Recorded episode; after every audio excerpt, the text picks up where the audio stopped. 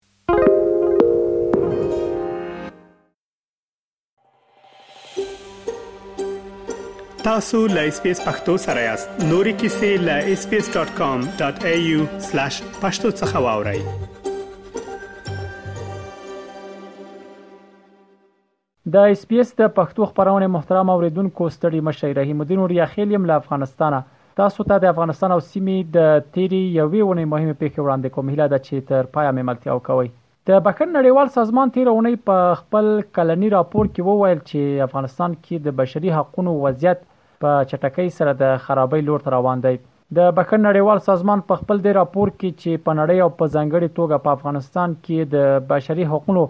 وضعیت څېړلی او راغلي ول چې په تیرو دوو کلونو کې په افغانستان کې د ښځو پر حقونو رسنیو او د بیان پر ازادۍ د طالبانو لوري محدودیتونه په واضح ډول زیات شوي دي د بښنې نړیوال سازمان په خپل دې راپور کې نړۍ د بشري حقوقو په مسله کې په دوه مخي تورنه کړې و او د ځینو لویدیځ هیوادونو دوه مخی چلند یې د افغانستان او اوکراین له کډوالو سره پرتله کړی وو د بخښن نړیوال سازمان په خپل راپور کې د لسګونو هیوادونو ترڅنګ په افغانستان کې د خبريالانو نیول کېدل او بندي کول هم د هیوادونو په کچه د حقونو په خوندي ساتلو کې د نړیوال سیستم پاتراتک بللی وو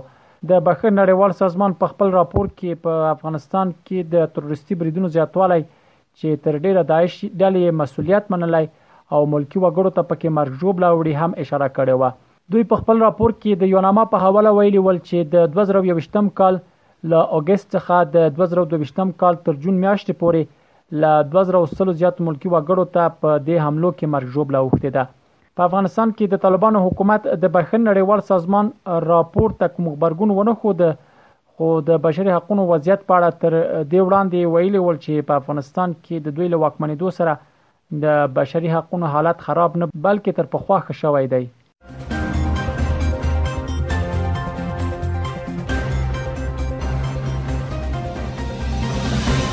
د شانګهای سازمان غړو هیوادونو تیرونی د هند په کوربتوب په یو غونډه کې د افغانستان پر وضعیت بحث وکړ په دې غونډه کې د شانګهای سازمان د امنیت شورا مسولینو په افغانستان کې له تروریزم سره په مبارزه د مخدره موادو د قاچاق او تنظیم شویو جرمونو د مخنیوي په لارو چارو خبرې وکړې دې ناستې ته د روسیې د ملي امنیت سلاکار نیکولای پاتروشیف وویل د افغانستان حالت نه یوازې اوس وخت کې ترنګلای دی بلکې داسې ښکاري چې دا کړکېچ به ډیر وغځيږي هغه وویل افغانستان د دغه سازمان د غړو هیوادونو امنیت ته ستر ګواښونه او خطرونه متوجه کوي چې ترهګري، ناقانونه وسلو او نشه يي توکو قاچاق، ناقانونه کډوالي او د افراطیت د فکر خپرېدل یې په ځانګړې توګه یاد کړل. د هند د ملي امنیت سلاکار اجیت ډاول دې غونډې ته په وینا کې په سیمه کې له ترهګرۍ سره مبارزه د هېوادونو لپاره مهم لومړیتوب یاد کړ. اجیت ډاول وویل، د ترهګرۍ هره بڼه او مالي تمویل کوونکی یې د امنیت لپاره ستره ننګونه ده. د شانګهای د غړو هیوادونو د ملي امنیت سلاکارانو دا غونډه په ډیلی کې د هند په مشرۍ جوړه شوې و او د چین او پاکستان استادو پر انلاین بڼه ګډون کړی وو افغانستان د دې سازمان د څارونکو حیثیت لري خو په ناسته کې د طالبانو حکومت ته د ګډون بلنه نه ورکړ شوې روسیه، چین، قزاقستان، تاجکستان، ازبکستان، هند، ایران او پاکستان د دې سازمان دایمي غړي دي. افغانستان، بلاروس او منګولیا د دې سازمان څارونکی حیثیت لري او تازه سعودي عربستان هم د دې سازمان د څارونکي غړي په توګه ومنل شو.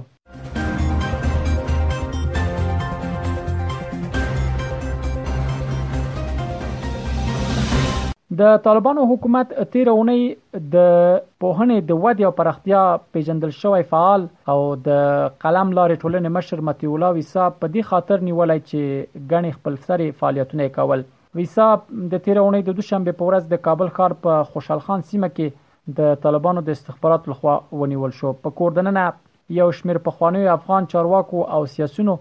او د ګڼ شمېر نړیوالو سازمانونو استازو د طالبان لوري د مطیع الله وصال نیول کېدل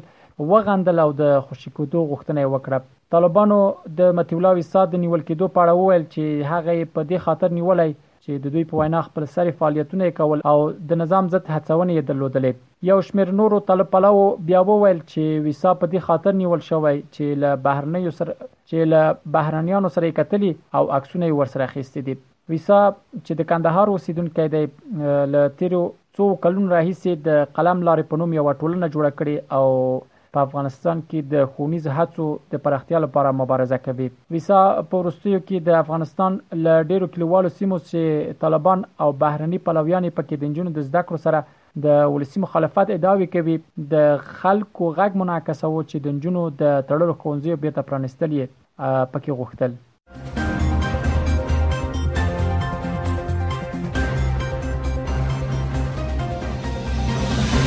د خوړو نړیوال سازمان تېره اونۍ وویل، که بیړنۍ مرستې ورسره ونه شي، ښايي له افغانستان سره خپلې مرستې ودروي. دغه سازمان د تېرې اونۍ د چهارشنبې په ورځ پر خپل ټویټر پاڼه لیکلي ول، همدا اوس سملاسي توګه درې نوي میلیونه ډالرو ته اړتیا لري چې په اپریل میاشت کې دیارلس میلیونه افغانانو ته مرستې ورسوي. د خوړو نړیوال سازمان وویل، راتلونکو اتو میاشتو کې په مجموعي توګه اته سوه میلیونه ډالرو ته اړتیا لري چې افغانستان کې اړمنو کسانو سره مرسته وکړي. د خوړو د نړیوال سازمان په وینا، د افغانستان خلک اوس د لوږې له څپې سره مخ دي او له دې کړکېچ سره د مبارزې لپاره به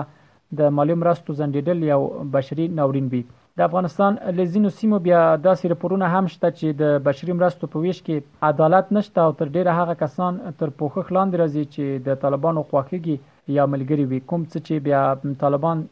دا هر څه ردوي. د خوړو نړیوال سازمان د معلوماتو له مخې په افغانستان کې شاوخوا نهه ویشت میلیونه کسان مرستو ته اړتیا لري او دوی توانیدلي دوه زره او دویشتم کال کې څه باندې درویشت میلیونه کسانو سره مرسته وکړي.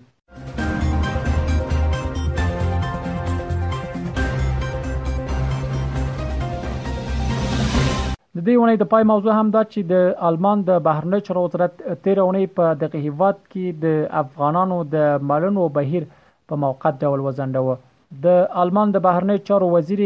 آنلینا بایاربوک وویل چې دغه پریکړې په پاکستان او ایران کې د آلمان په سفارتونو کې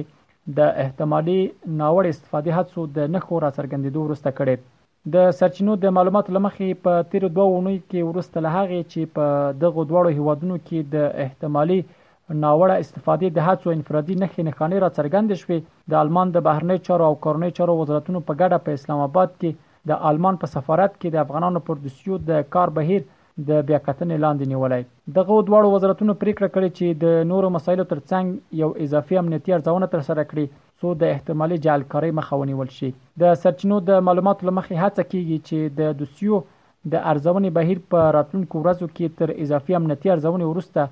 له سره پیل شي. د یادونې ده چې د دوه زره یوویشتم کال د اګست میاشتې څخه نیولې تر اوسه پورې په مجموعي ډول